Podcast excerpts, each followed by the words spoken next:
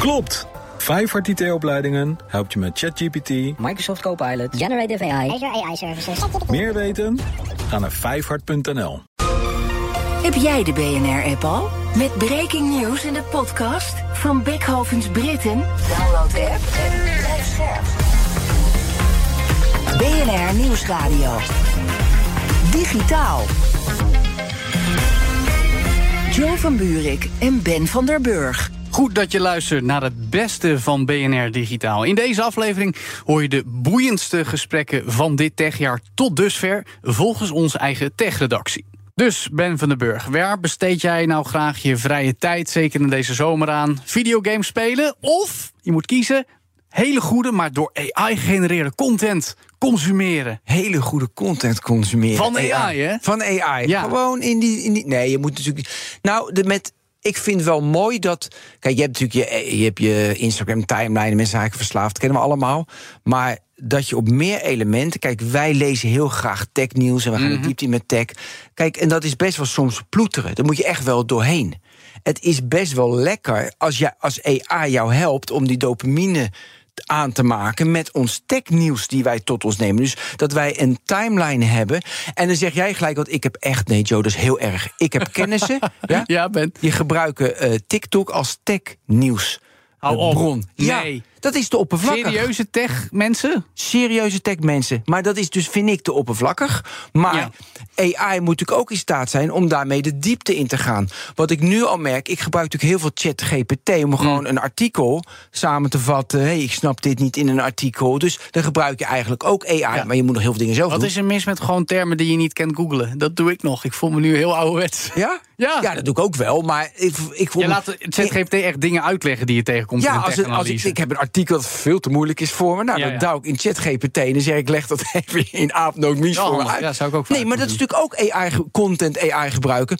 Maar daar, ik, ik- als hij dat nog gebruiksvriendelijker maakt... ik denk dat we dan onwijs veel gaan winnen. Ja, ik, ergens kan ik me voorstellen. En toch wil ik niet alleen maar dingen waarvan ik weet... het is niet door mensen. Dat voelt ook heel raar. Want het is niet alsof ik per se zeg maar, aan het spelen van games merk... dit is door mensen gemaakt, maar toch ook weer wel... omdat ik het weet en omdat je voelt, er zit ambacht in... en, en passie en liefde. En ik zie je moeilijk kijken, maar Ja. dit is voor gamers heel moeilijk onder woorden te brengen. Wat de, weet je, het is bij uitstek een digitaal product... met graphics, met audio, met gameplay... allemaal inherent digitaal-technologische fenomenen. Maar het is door mensen bedacht en gemaakt...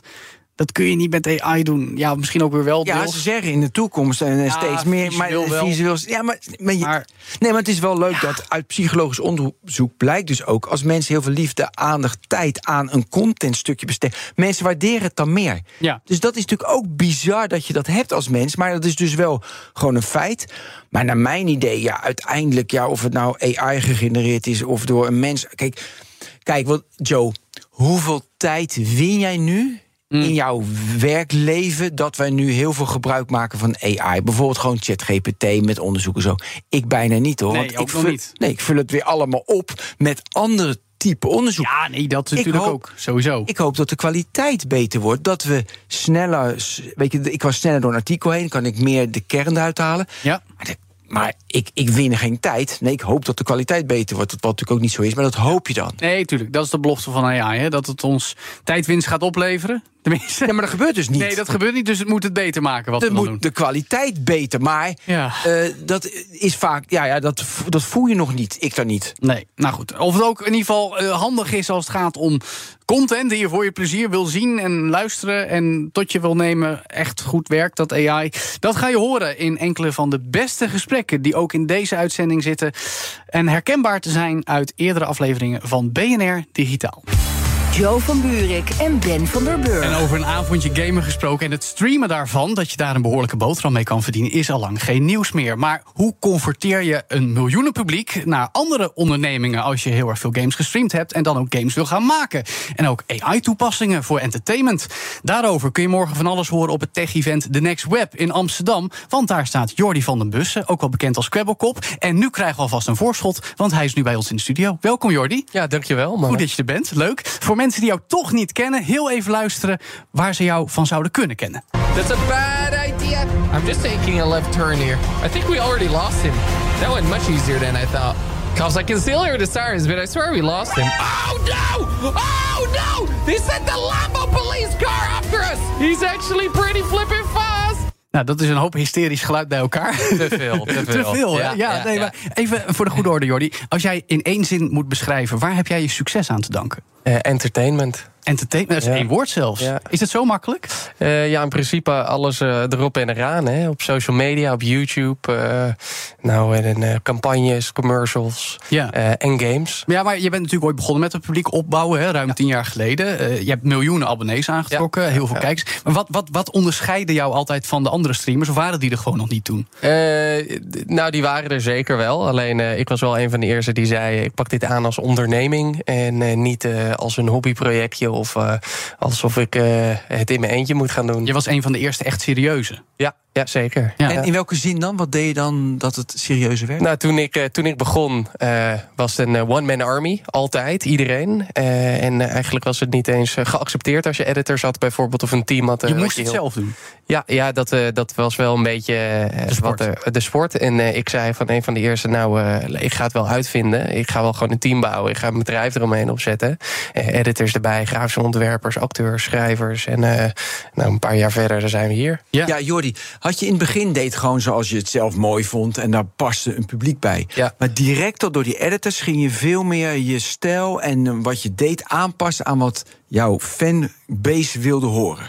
Ja, eigenlijk wat, je, wat we, wat we heel, heel mooi doen is we analyseren. Dus we hebben een protocol. Nou, eh, eh, die, dan maken we er een video mee en dan analy- analyseren we de data. En vervolgens passen we ons protocol aan. En dat al vanaf het begin, al tien jaar lang. Ja, maar hoe ver eh, staat dat van jezelf af? Want ja, dan doe je wat het publiek wil, maar zelf ontwikkel je jezelf door in tien jaar, dan ben je een ander mens. Precies. Dus ja. totaal anders nu? Eh, ja, compleet. Compleet andere werelden. Is, is dat ook een beetje waar de AI-influencer Blue vandaan komt, die jij mede hebt opgezet? Want dat is eigenlijk een soort virtuele kopie van jezelf, algoritme gedreven, zal ik maar zeggen. 100 procent. En eh, Blue is eigenlijk een, eh, een tussenstap naar het ultieme. En het ultieme is eh, eh, dus die, die kwebbelkop door kunnen zetten zonder dat ik daar überhaupt iets eh, hoef te doen.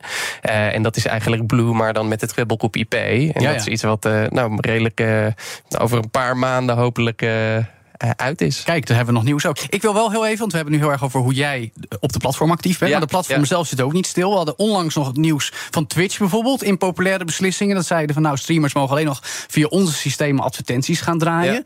Eh, populairste streamers dreigden met opstappen. Twitch draaide het weer terug. Is dit een teken aan de wand van ergere dingen? Dat er eigenlijk een soort conflict situatie aan het ontstaan is. Ik kijk ook naar Reddit, waar nu de subredditors in opstand komen. Dat er een soort verzet komt tussen de mensen die actief zijn op de platforms en de eigenaars van de platforms. Nee, ik denk zeker niet. eh, ik denk een beetje toeval dat Reddit en Twitch eh, momenteel tegelijkertijd.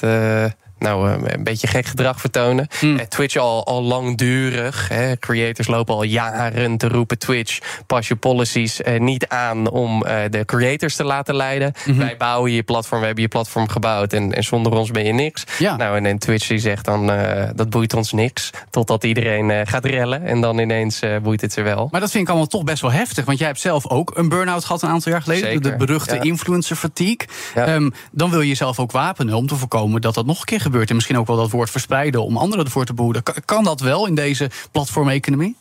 Eh, een, een burn-out eh, voorkomen? Nou, nou bedoel je? ja, om te voorkomen dat de platforms jou als maker in een burn-out Beheersen, duwen. ja, zeg maar. Voorkomen dat dit soort problemen blijven bestaan. Want het is natuurlijk hartstikke ongezond, toch? Ja, zeker. Kijk, uiteindelijk doe je het zelf. Ja. Eh, dat is het allerbelangrijkste om te weten. Ehm, maar dat betekent ook dat eh, je eigenlijk wel een beetje moet gaan innoveren. En dat probeer ik ook met mijn virtuele influencers. Om te zeggen, ik kan toch doorgaan met het kwebbelkop IP. Ik kan toch filmpjes maken zoals ik die wil maken. Mhm. Maar ik, ben, ik moet niet altijd eh, werken. Ik hoef niet altijd daar te zijn. Dus je zou eigenlijk tegen alle andere streamers en influencers zeggen: maak ook een blue. En dan Eh, kun je zelf wat rustiger aan doen. Precies, en dat is wel waar, eh, waar wij ambitie naar hebben. Dat we het toegankelijk maken en in ieder geval de eerste zijn die het durven te doen. En ook eh, kunnen laten zien dat je jezelf met AI of in ieder geval met iets virtueels kan vervangen tijdelijk. Ja, nou, dat is jouw eigen business. Hè? Je hebt je Ja. eigen onderneming al een aantal jaar. Volgens mij hier een kantoor met 60 man personeel ook. Zoiets, ja. Wat, wat, wat doen jullie daar allemaal, behalve algoritmes voor influencers ontwikkelen? Ja, ja, ja, we helpen ook bedrijven met hun social media campagnes. Mhm. Dus eh, ja, social media mediacampagnes, maar ook strategie. Uh, dus nou, wij weten heel goed hoe het moet. Dan dachten we, dan gaan we ook anderen helpen. Yeah. daarnaast bouwen we nog wat AI-applicaties, al redelijk lang. waaronder yeah. volledig autonomous virtuele influencer. Dus die zelf alle filmpjes maakt. En alles. ja, en ik zag ook eentje Dubdash, waarmee je eigenlijk een video kan uploaden. dus, en dan wordt hij automatisch vertaald. Ja, ja, ja, dus dat hebben we ook. we, we maken allemaal Engelstalige content. Um, en al redelijk snel kwamen we erachter, we willen ja, de wereld aanspreken. Niet alleen de, de mhm. Engelstalige markt. Dan kan je gaan voice dubben. Dat was een beetje duur per minuut. Dus dat laat je de computer doen? Ja, precies. Dus hebben we software gebouwd die, die het doet. En dat is vele malen goedkoper. Het hele proces zelfs. Ja, maar er zijn toch talloze apps die dat ook kunnen. Microsoft heeft het, Google heeft het, uh, ja, ja, ja. Eleven Labs. en jij denkt als je het zelf maakt dat het goedkoper is? Het is goedkoper. Ja, ja we, hebben, we hebben echt voor, uh, voor een fractie van de kosten en, en de beste kwaliteit die er is. Maar oh ja, en dus oké, okay, prima, ik geloof je direct. Een tweede is, je, uh, dus je doet campagnes en strategie ja. uh, voor andere bedrijven. Dan moet je dus een service leveren voor dat andere bedrijf. Aan de andere maak je producten. Services leveren en producten maken, dat bijt soms binnen een bedrijf. Hoe kijk je daarnaar? Uh, ja, nou, we hebben gewoon goede teams die erop zitten. En die richten zich uh, op, uh, op bijvoorbeeld innovatie. Dus we hebben een innovatieteam. En we zeggen, jongens, kijk maar, wat is, is een kostenpost, hè, innovatie. Zeker, ja, zeker. investeringspost, zo kan je het ook en, noemen. En, precies, en, en dat is ook wat waar we voor staan als bedrijf. Wij, wij houden van innoveren. Denk aan een virtuele influencer. Nou, drie jaar geleden noemde iedereen me gek. En nu is het nou, giga, giga onderdeel van, van het bedrijf. Ja.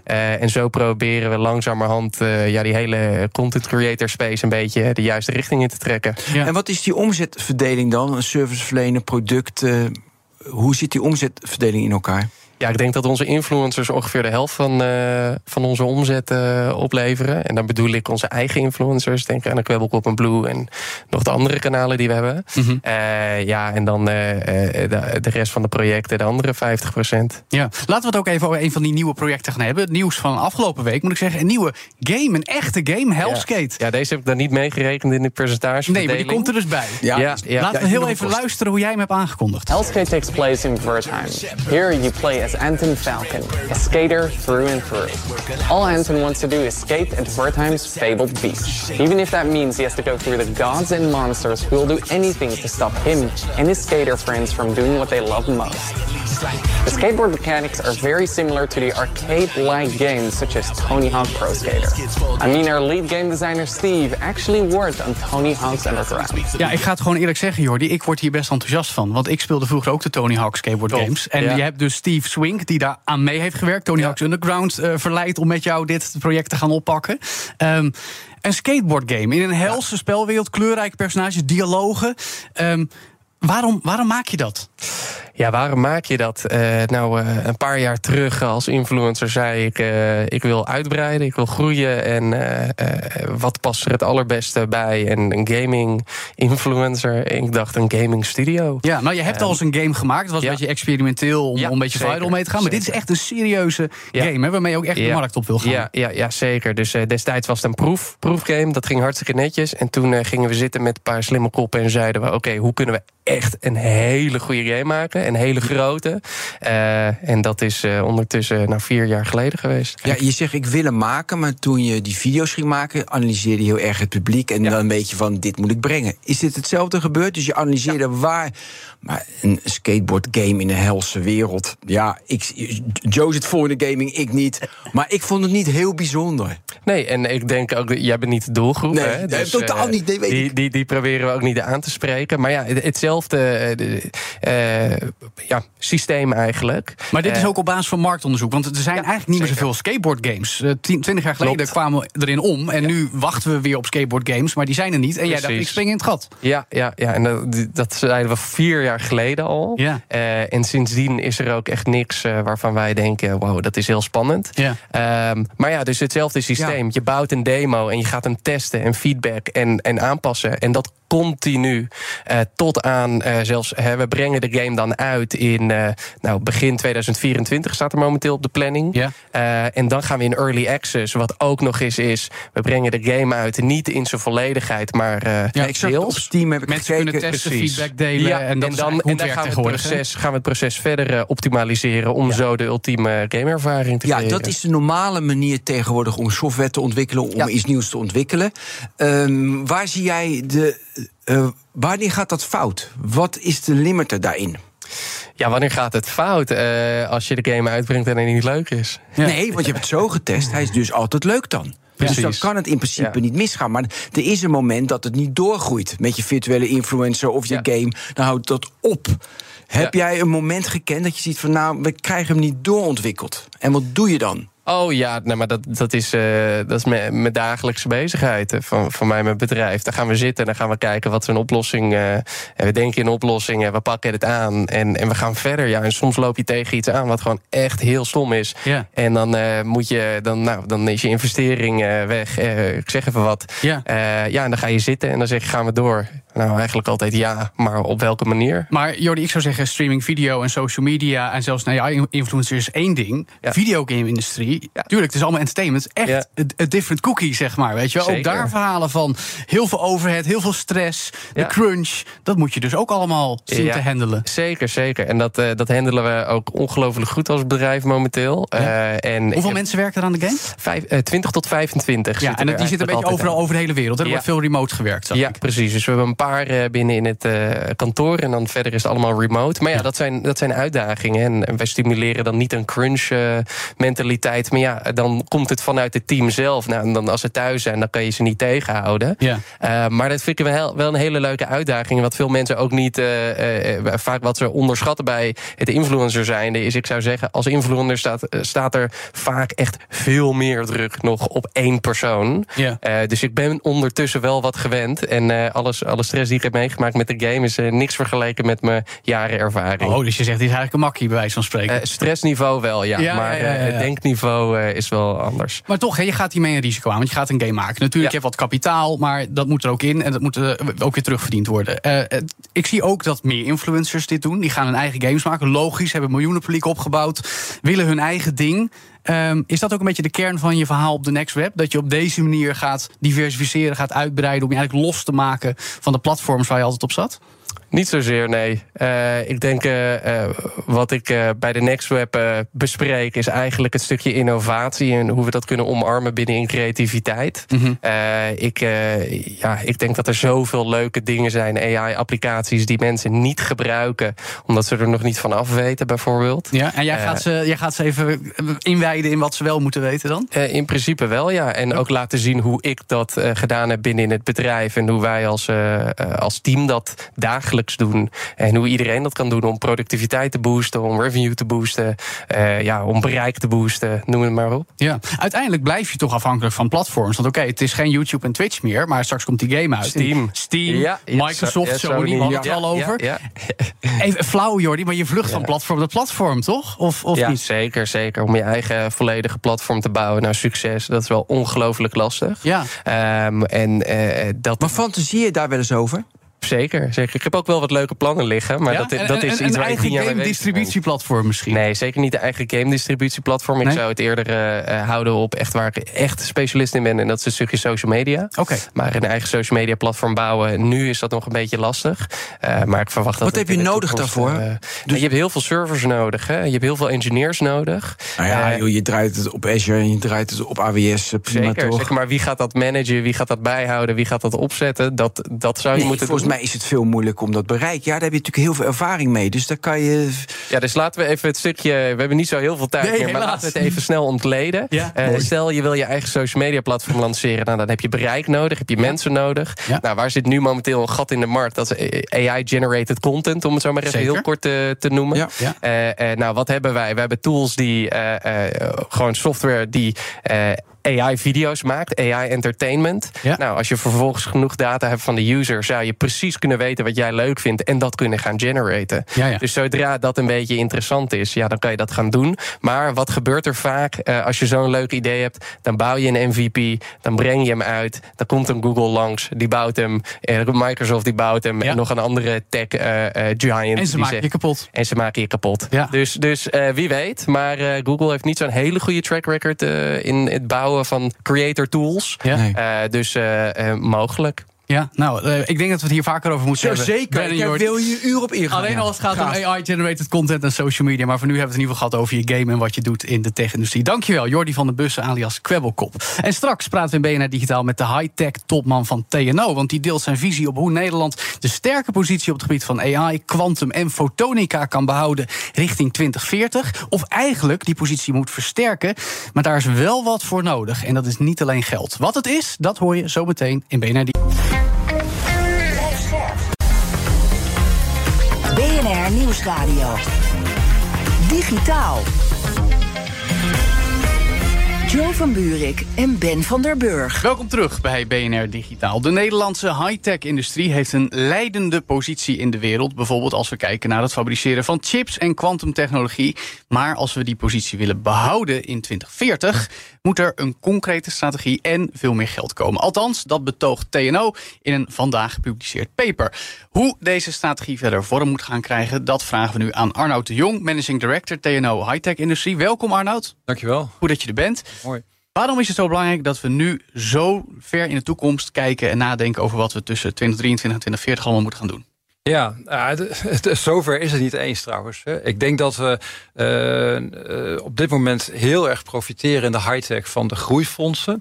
Maar die lopen wel eh, over zes, vijf, zes, zeven jaar uit. En dan zullen we toch een beetje droog koken naar die 2040. En, en we zien dat, die, dat we allereerst zeg maar dan nog geen high-tech strategie hebben gedefinieerd. Dus daar Oké. pleiten we heel erg voor. Ja. Dus die Eh, hebben we eh, nog niet eens Die hebben we niet. We werken aan We doen maar wat met Die gaan we nu formuleren hè, vandaag. Ja, in deze nou, In 22 deze minuten. 20 minuten. Ga verder nou. Ja, en, en, en vooral hè, natuurlijk ook ehm, op de juiste dingen structurele financiering dan inzetten. Hè, dus vooral die periode tussen, tussen eh, 30 en 40, Ja. daar niet droog koken met een hele goede doelstelling. En daar kan ik daar ook op terugkomen wat Ja, we dan, ja. want we gaan hem nu definiëren, daar ben ik er wel bij. Ehm, maar daar hebben we natuurlijk ook geld voor nodig. Ja, oké. ehm, maar dan is het misschien ook wel goed om eventjes te benadrukken wat de overheid nu al doet. We hebben natuurlijk het Nationaal Groeifonds. We hebben af en toe komt er een potje links of rechts. Ehm, er is aandacht voor wat we in Nederland allemaal doen met high-tech. Maar wat, wat, hoe, hoe staat het er nu voor? Is het, is het nu eh, onder de maat? Of doen we het best aardig en kan het beter? Wat, hoe, hoe- wat voor cijfer zou je de, de overheid eh, op dit moment geven? Nou, zeker. eh, ik- vind het echt een groot compliment waard. Dus dan kom je toch wel in de, in de dikke voldoendes. Hè, tot, toch echt wel een acht. Ik vind dat we echt Zo. Ja, ja, ik vind dat we dat op dit moment... en dan heb je het echt over, want je vraagt natuurlijk ook echt op dit moment het cijfer. Ja. Maar als ik dan wel verder kijk, hè, en ik, ik zeg, en dat, dat vind ik ook echt heel belangrijk. Als je dus nu zo goed scoort, en wij volgens mij 20 miljard in die groeifonds, en er gaat heel veel ook naar high-tech, hè, next-gen high-tech of quantum of, of pho- photon delta en, Ja. en photonics. Daar gaat heel veel geld heen. Ehm, maar nogmaals, dat heeft wel een limiet dadelijk, namelijk eh, zes, zeven jaar. Ja. En, en ehm, het vereist toch echt wel een langere, een langere termijn visie. om dat echt dan ook te gaan, eh, te gaan oogsten, wat we dan gaan creëren. Ja. Maar ik wil heel graag die strategie een beetje uitdiepen. Dat vind ik interessant. Die Geef maar voorzet, visie. Ja, nou, wat gaan we doen? Eh, Je hoort natuurlijk photonics inderdaad, quantum investeren. Welke richtingen?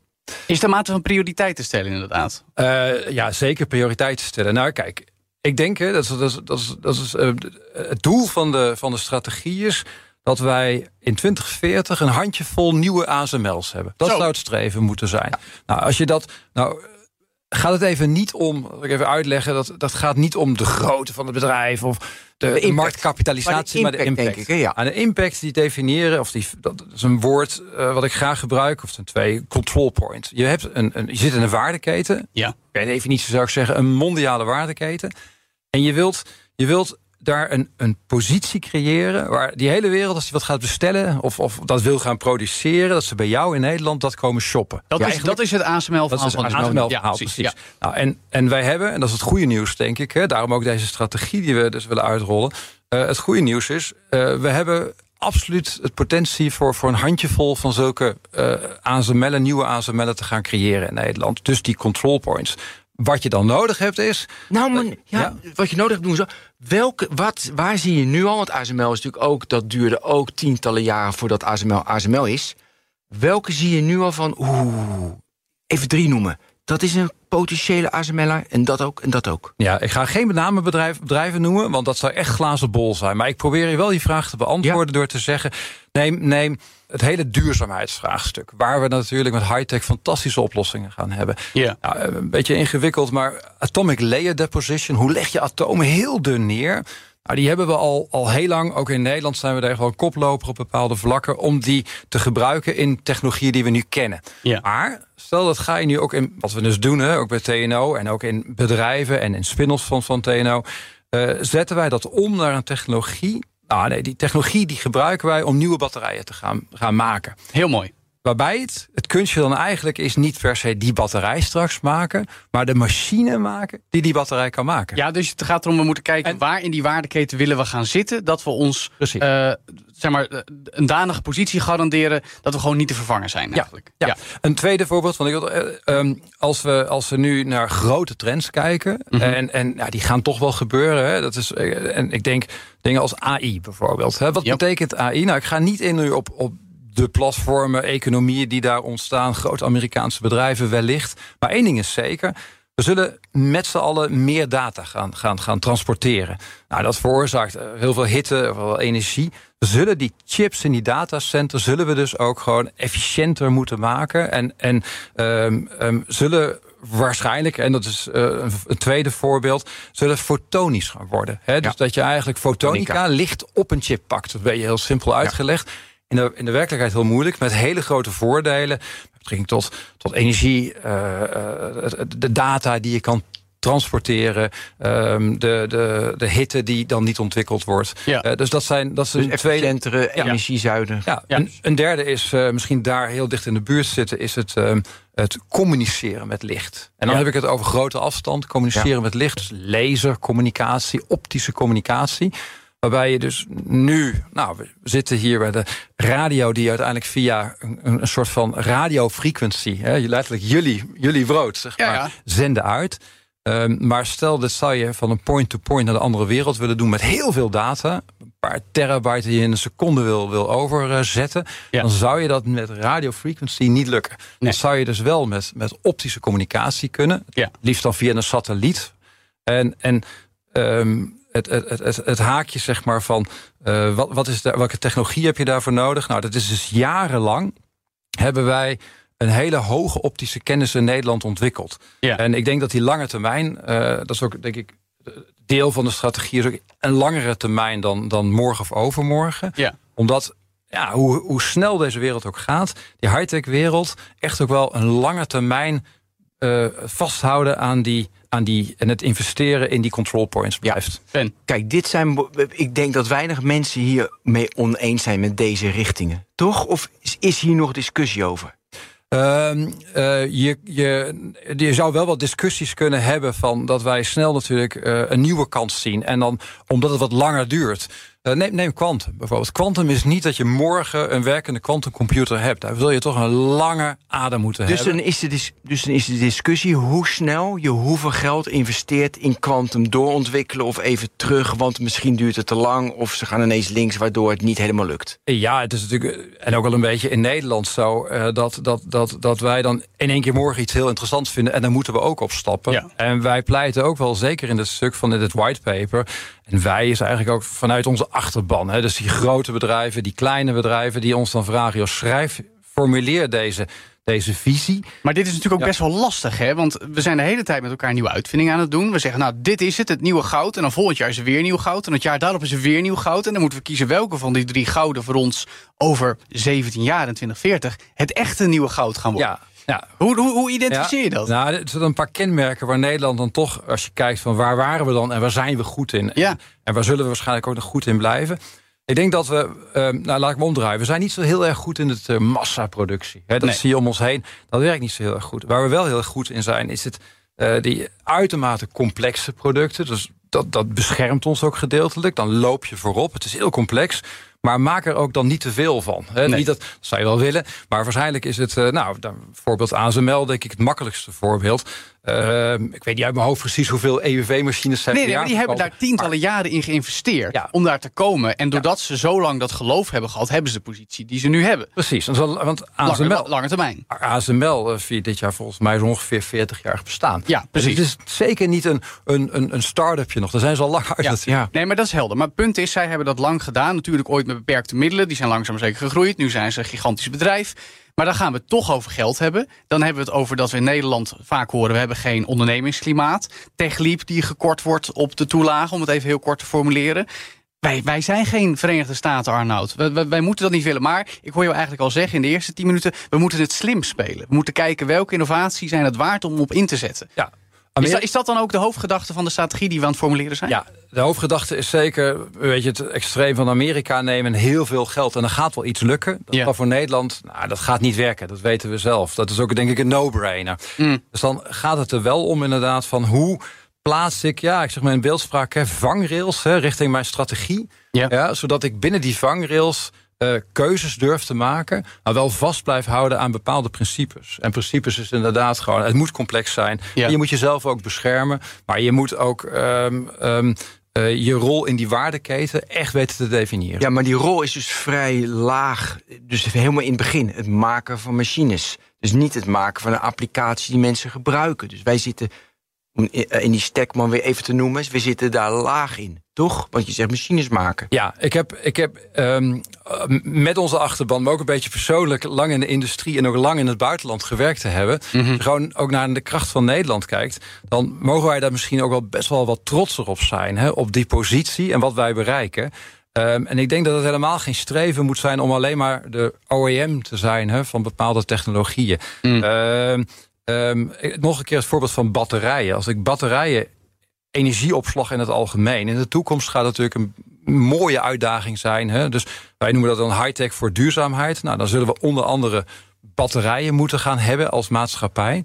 En als je alleen al kijkt naar automotive, is het denk ik geen slimme keuze om die batterijen in Nederland te gaan produceren. dat kunnen ja. mensen wel vinden, maar ik denk dat het veel slimmer is om die machines, die eigenlijk nog complexer zijn, om heel eerlijk te zijn, te gaan maken in Nederland. Ja. Dat zou nou een control point kunnen zijn. En misschien wel het kernstuk. Hè? Want Ja. laten we die machine een beetje ontrafelen. Dat ga ik hier niet doen. Maar Nee. dan zou je in het kernstuk van die machine moeten zitten. Ja, snap ik. Maar goed, ik hoor jou toch ook zeggen... we moeten heel erg goed keus maken. We moeten het ook gewoon gaan doen. Ik las ook in jullie paper... om de Nederlandse concurren- concurrentiepositie in high-tech te behouden... moet de sector 150% productiever worden. En dat is mijn vraag aan jou. Is dat een kwestie van meer geld, meer efficiëntie, betere keuzes... of gewoon AI gaan gebruiken? Ja, zo, ik ben helemaal geen jurist, een beetje van alles. Snap Eh, ik. eh, die 150% is over na die periode gerekend. Dat betekent zo grofweg 5% ongeveer per jaar. Ja. We hebben een echt een arbeidsproduktiviteitsissue in Nederland. Hij, hij, hij groeit bijna niet, kun je Waar, zeggen. waar komt dat door? Weinig geld? Ehm, ehm, ehm, ik denk dat we daar gewoon een beetje zijn gaan, gaan stilstaan. Het was wel eh, oké zo, zeg maar. Ja, Er was het wel geld- best. Er is weinig geld ge- naar, daarheen gegaan. Ik denk ook dat we gedeeltelijk de innovaties die die arbeidsproductiviteit kunnen. eh, kunnen verhogen. Dan gaat het toch over digitalisering van, van processen, eh, ehm, robotisering, et cetera. Dat hebben we nog niet voldoende omarmd. Als je dus die 5% per jaar wilt gaan, eh, gaan halen, dan zul je inderdaad een stukje moeten gaan investeren. Je zult ge- moeten gebruik maken van nieuwe technologieën. AI, inderdaad, hoort daarbij. Maar ehm, zeker ook ja, investeren in, eh, in, in, in, in digitalisering van, van de maakindustrie. Digitaal. We praten door over de ontwikkeling van de high-tech-industrie in Nederland. Want volgens TNO, dat hierover vandaag een paper heeft uitgebracht... moet er een hoop gebeuren om in 2040 de helft van de omzet... uit nieuwe waardeketens te laten komen. En daarover praten we door met Arnoud de Jong... managing director van TNO High-tech-industrie. Arnoud, ehm, jullie benoemen expliciet ook de veranderende wereldorde. Hè? De, Eén globale wereldmarkt is niet meer vanzelfsprekend. Er zijn tegenstellingen in de wereld. Als we alleen al kijken naar het Westen, Rusland en China... Ehm, hoe, hoe nemen we die uitdagingen mee in het formuleren van een lange termijnstrategie? Want wij wisten twee jaar geleden helemaal niet dat de wereld er nu zo uit zou zien. Of laat staan tien jaar geleden. Nee, nou, we, zien eigenlijk grofweg vier transities, zien wij. Eh, duurzaamheid, ongeacht deze landen, zeg maar, zal het een wereldmarkt zijn. Er zit een transitie, daar kun je ook heel veel, als je goed positioneert, heel veel geld gaan verdienen. Hetzelfde geldt voor veiligheid en defensie. Ik denk dat zeker ook die uh, autonomie daar een groot, grote rol gaat spelen. Maar ook daar zullen wij dus een transitie gaan. De derde is, is digitalisering. Mhm. En het vierde is een, uh, ja, een gezondere samenleving. En, en eigenlijk formuleren wij dus een high-tech voor een van die vier transities. Of vier keer een high-tech oplossing. Dus als je, als je kijkt naar. Uh, um, ik had het straks over licht, hè, dat kan gebruiken. Maar dat kun je ook gebruiken voor um, een, een, een, nieuwe medische apparatuur te gaan ontwikkelen. Ja, ja, ja, ja. Maar op je vraag naar de, naar de veranderende wereld. Um, uh, de, de, uh, uiteindelijk de de concurrentiekracht zeg maar, van Nederland staat daarmee wel echt onder druk. Ja. Dus dan moeten we ons goed realiseren dat die andere landen, ook, ook, dat zien we ook om ons heen, fors investeren. Dus blijft het ook voor ons heel erg belangrijk om vanuit die, ja, die, die krachtenvelden, zeg maar, het goede te blijven doen. En dat gaan we niet winnen door alleen maar nog meer geld. Daar pleit ik ook niet voor. Om, nee. het, is, het is niet een, een rupsje nooit genoeg. Nee, maar ik bedoel maar te zeggen, twintig jaar geleden zeiden we China mooi, daar moeten we zaken mee doen. Nu zeggen we China, jullie mogen geen machines van ASML meer hebben.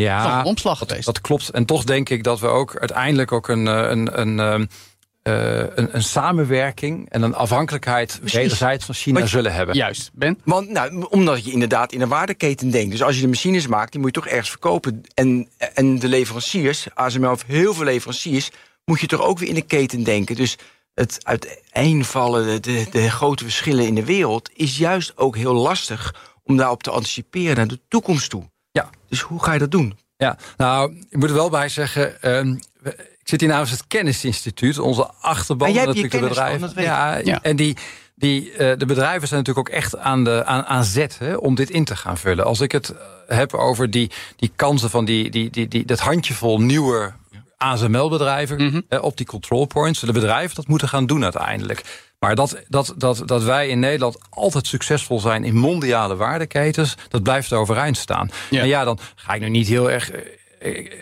En omdat ik het ook niet weet van hoe is precies de samenwerking met China. Maar we zien natuurlijk ook dat. Uh, onze achterban, dus die grote kleine bedrijven, zijn ook echt afhankelijk. En ook zij weer omgekeerd afhankelijk van, van China. Ja. Dus dat, dat uh, blijft elkaar echt wel vinden. Ja, maar oké, okay, dan gaan we even de blik op het Westen richten, op de VS. Want dat is ook toch al wat protectionistischer geworden de afgelopen jaren. Tuigt ook gigantische subsidieprogramma's op voor de chipsproductie bijvoorbeeld. Ja, dat doen we in Europa ook. Maar in de VS doen ze met nog meer geld.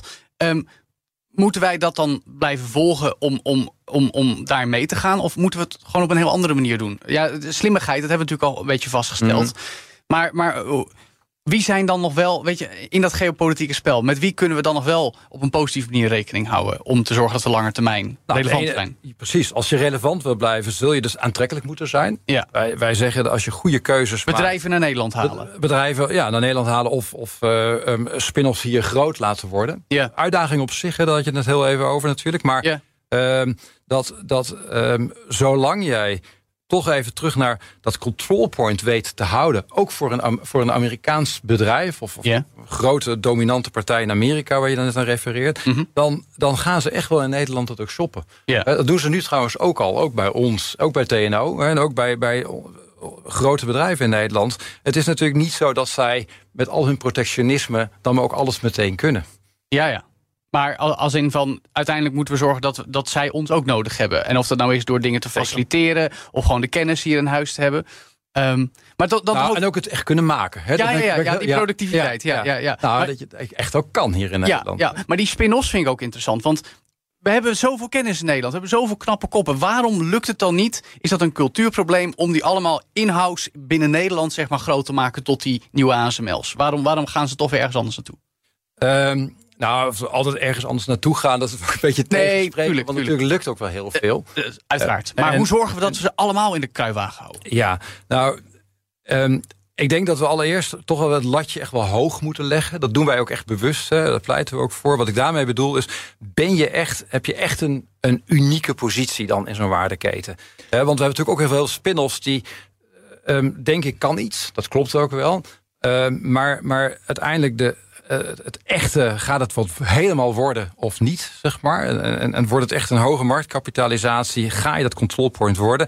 Ja, dan zul je toch echt aan die voorsprong moeten blijven werken en echt uniek moeten Ja, zijn. maar het gaat over strategie, dus eh, ook van hoe kom je daar? Heb je alle middelen en wat zijn de internet eh, en waarvan ben je afhankelijk om het wel te laten eh, lukken? Ik denk dan bijvoorbeeld aan voldoende mensen op de universiteit die aan die machines kunnen werken. Ik denk dan aan de, de afhankelijkheid van leveranciers. Je bent Nederland, waarom denken we niet meer in Europa? Hoe kijk je daarnaar? Nou, ik denk, we, we zullen zeker, dat is ook ehm, heel belangrijk, meer naar Europa moeten kijken. Maar ook je, je spreekt ook de, ja, de, de capaciteiten aan, hè, de workforce. nee, daarom. En, en dat is, dat is ehm, ehm, zeker gepaard met die 5% groei in arbeidsproductiviteit. Ook daarop natuurlijk een stuk antwoord. Want ja, we zien dat dat een, eh, een, een probleem was en is en zal blijven waarschijnlijk voor een langere tijd. Dus daar zullen we mee, mee moeten dealen. Ehm, we zullen dus ook moeten blijven investeren in, in, eh, nou, in, in, in eh, en hopen, zeg maar, en dat is ook een beleid voor nodig zijn, dat er genoeg mensen van, van, van technische universiteiten afrollen die ons kunnen helpen. Maar de pool is natuurlijk breder dan Nederland. Dat moet ik er meteen bij zeggen. Zolang je een magneet bent, neem ik, neem ik Quantum. Dat is Nederland een goed magneet in, in Delft voor. en daar, daar zie je dat, dat je ook aantrekkelijk bent, hè, ook voor buitenlands, om naar, naar Nederland te komen. Om op het gebied van quantum te Maar exporteren. dat vind ik interessant, want deze week nog in het nieuws... tenminste vanuit Amerikaanse persbureaus notabene... dat Nederlandse universiteit mogelijk studenten van buiten de EU... nou ja, toch zouden moeten gaan weren wellicht. Dus natuurlijk mede de angst dat er know-how naar bijvoorbeeld China eh, wegvloeit. Ehm, dat, dat is dan toch wel heel lastig. Want we willen ook die goede mensen... die misschien geen bedreiging zouden zijn voor onze positie in de markt... wel naar Nederland kunnen halen. Is, is, is, is, dat, is dat dan ook weer een nieuwe uitdaging die Ja. we moeten tackelen met elkaar? Dat is een echt een, nieuwe uitdaging die we moeten Ja, tackelen. en, en eh, doen jullie dan ook mee in dat gesprek? Want er zijn wel belangen om die mensen toch ook naar Nederland te trekken als Ja, magneet. we zal zeker meedoen in dat gesprek. Omdat Nou. we niet, niet alleen als organisatie, maar ook hè, voor, voor onze rol in het ecosysteem, zeg Ja. maar. eh, vind ik belangrijk dat we, dat, eh, dat we daar een, een, een prominente rol in nemen. Het moeten geen protectionistische universiteitsstrategieën gaan uitrollen, denk ik. Hè? Ik denk dat, dat ehm, en als ik dus, hè, want onze achterban vroeg ons uiteindelijk van, joh, schrijf deze visie eens op. Dat is jullie rol en wij nemen onze verantwoordelijkheid daarin. Ja. Dan, dan denk ik dat eh, een, een eh, protectionisme hier ook niet van afdruipt. Hè. Nee. Ehm, nogmaals, als je, als je over nieuwe waardeketens, want we zeggen natuurlijk ook dat wij 50% van, van de, het geld dat wij als high-tech gaan verdienen in 2040, zijn, komt uit nieuwe waardeketens. Ja. Ja. dan zul je dat niet uit de Nederlandse markt gaan halen. Nee, dat, dat- mogen duidelijk zijn. Dus ja, het blijft een uitdaging om dat te omarmen. Ik wil ik wil ook even concreet naar de investeringen. Dus, eh, dus het groeifonds, hoeveel hebben we per jaar tot 2040 nodig... dat er gewoon erin gespompt moet worden? Om die doelstellingen te halen, die, die 50%, die productiegroei enzovoort. Nou ja, als je, als je nu zeg maar... Bedrag die- noemen. Als je nu... Ja, ja ik ga hem onderbouwen. Ja, ja, ja. Als je nu een, ehm, naar drie belangrijke groeifondsen kijkt... Hè, dat is eigenlijk een beetje het antwoord waar ik voor pleit... dat die ophouden over vijf tot Ja. zeven jaar ongeveer... dan is dat ehm, vanuit het groeifonds gezien... is dat eh, ehm, zeg maar een miljard waarbij de helft het groeifonds is... wat, wat ja, noem het maar even, eh, vanuit de overheid eh, eh, gesubsidieerd wordt. Ja. En de helft komt van het bedrijfsleven erbij. Nou ja, dat zijn het kwantumgroeifonds, die als een van de eerste in de high-tech wereld natuurlijk succesvol was. Eh, Integrated Photonics en, en Next Gen High-tech. Als je die drie bij elkaar optelt, ja, dan zit je op 3 miljard. Ja, als je puur kijkt, inclusief. Dus Dat is alles. de- de- dat, is, dat is, nou, 1 miljard Inflatie per, per, per jaar. per nou, jaar. Nee, dat is voor een periode van zeven jaar. Periode van zeven Ja. jaar. Dus dat Ja. je natuurlijk bij moet zeggen dat je ehm, ehm, bedrijven ook zelf hier heel veel aan, aan nog verder aan moeten. ar- ar- Uiteraard. Maar ik heb een beetje wat voor investeringen Nou, heeft u nodig? Denkt u om in 2040 die doelstellingen te halen? Is dat de 3 miljard per jaar inflatie? Laten we er 4 van maken. Rond het naar bovenaf. Die bedragen maken niet uit. Maar ik wil gewoon even bedragen noemen. Dat is lekker, want we weten waar we na- naar moeten streven. En dat in relatie tot dat we nu 80 miljard ongeveer doen hè, eh, qua, qua omzet. Ja, De we zitten in economie- 21 hè, voor de high-tech Ja, sector. 21 omdat. Maar, Ja, precies. En, eh, eh, en dat is alleen de high-tech Ja, sector. Ja, ja, ja. dus als je dat dan vergelijkt, ja, dan zit je 4 miljard, is dat genoeg? Is dat oké? Ehm, kijk, ik denk als je dan weer kijkt naar, laten we ook eerlijk zijn, als je, punt, ja, als je echt eerlijk bent naar de capaciteiten eh, en, en de schaarste, zeg maar, ja, dan, dan is dit voor pure RD, zou dit, zou dit een perfecte oplossing zijn tussen het uitlopen van de huidige groeifondsen en de overbrugging naar 2040. Ja. Nou, Ja. daar gaan we het mee doen. En dan gaan we in 2040 hopelijk iets eerder Ja. merken of het ook genoeg is geweest om die positie in de high-tech industrie in de wereld te bemachtigen. Veel dank, Arnoud de Jong, Managing Director TNO High-Tech Industry. Tot zover BNR Digitaal. Ook altijd te beluisteren als podcast op elk platform. En natuurlijk via de app van BNR. Download die vooral. Daar kun je ook luisteren naar de Tech Update. Twee keer per dag het laatste technieuws. De Cryptocast en de Technoloog met nieuwe afleveringen elke dinsdag. En elke donderdag een nieuwe aflevering van de On The Game. En natuurlijk van Nexus, onze discussiepodcast. En natuurlijk elke woensdag weer een nieuwe BNR Digitaal. Dus zeg ik namens onze hele tech-redactie tot Klopt! Vijfhart IT-opleidingen helpt je met ChatGPT. Microsoft Copilot. Generative AI. Azure AI Services. Meer weten? Ga naar vijfhart.nl.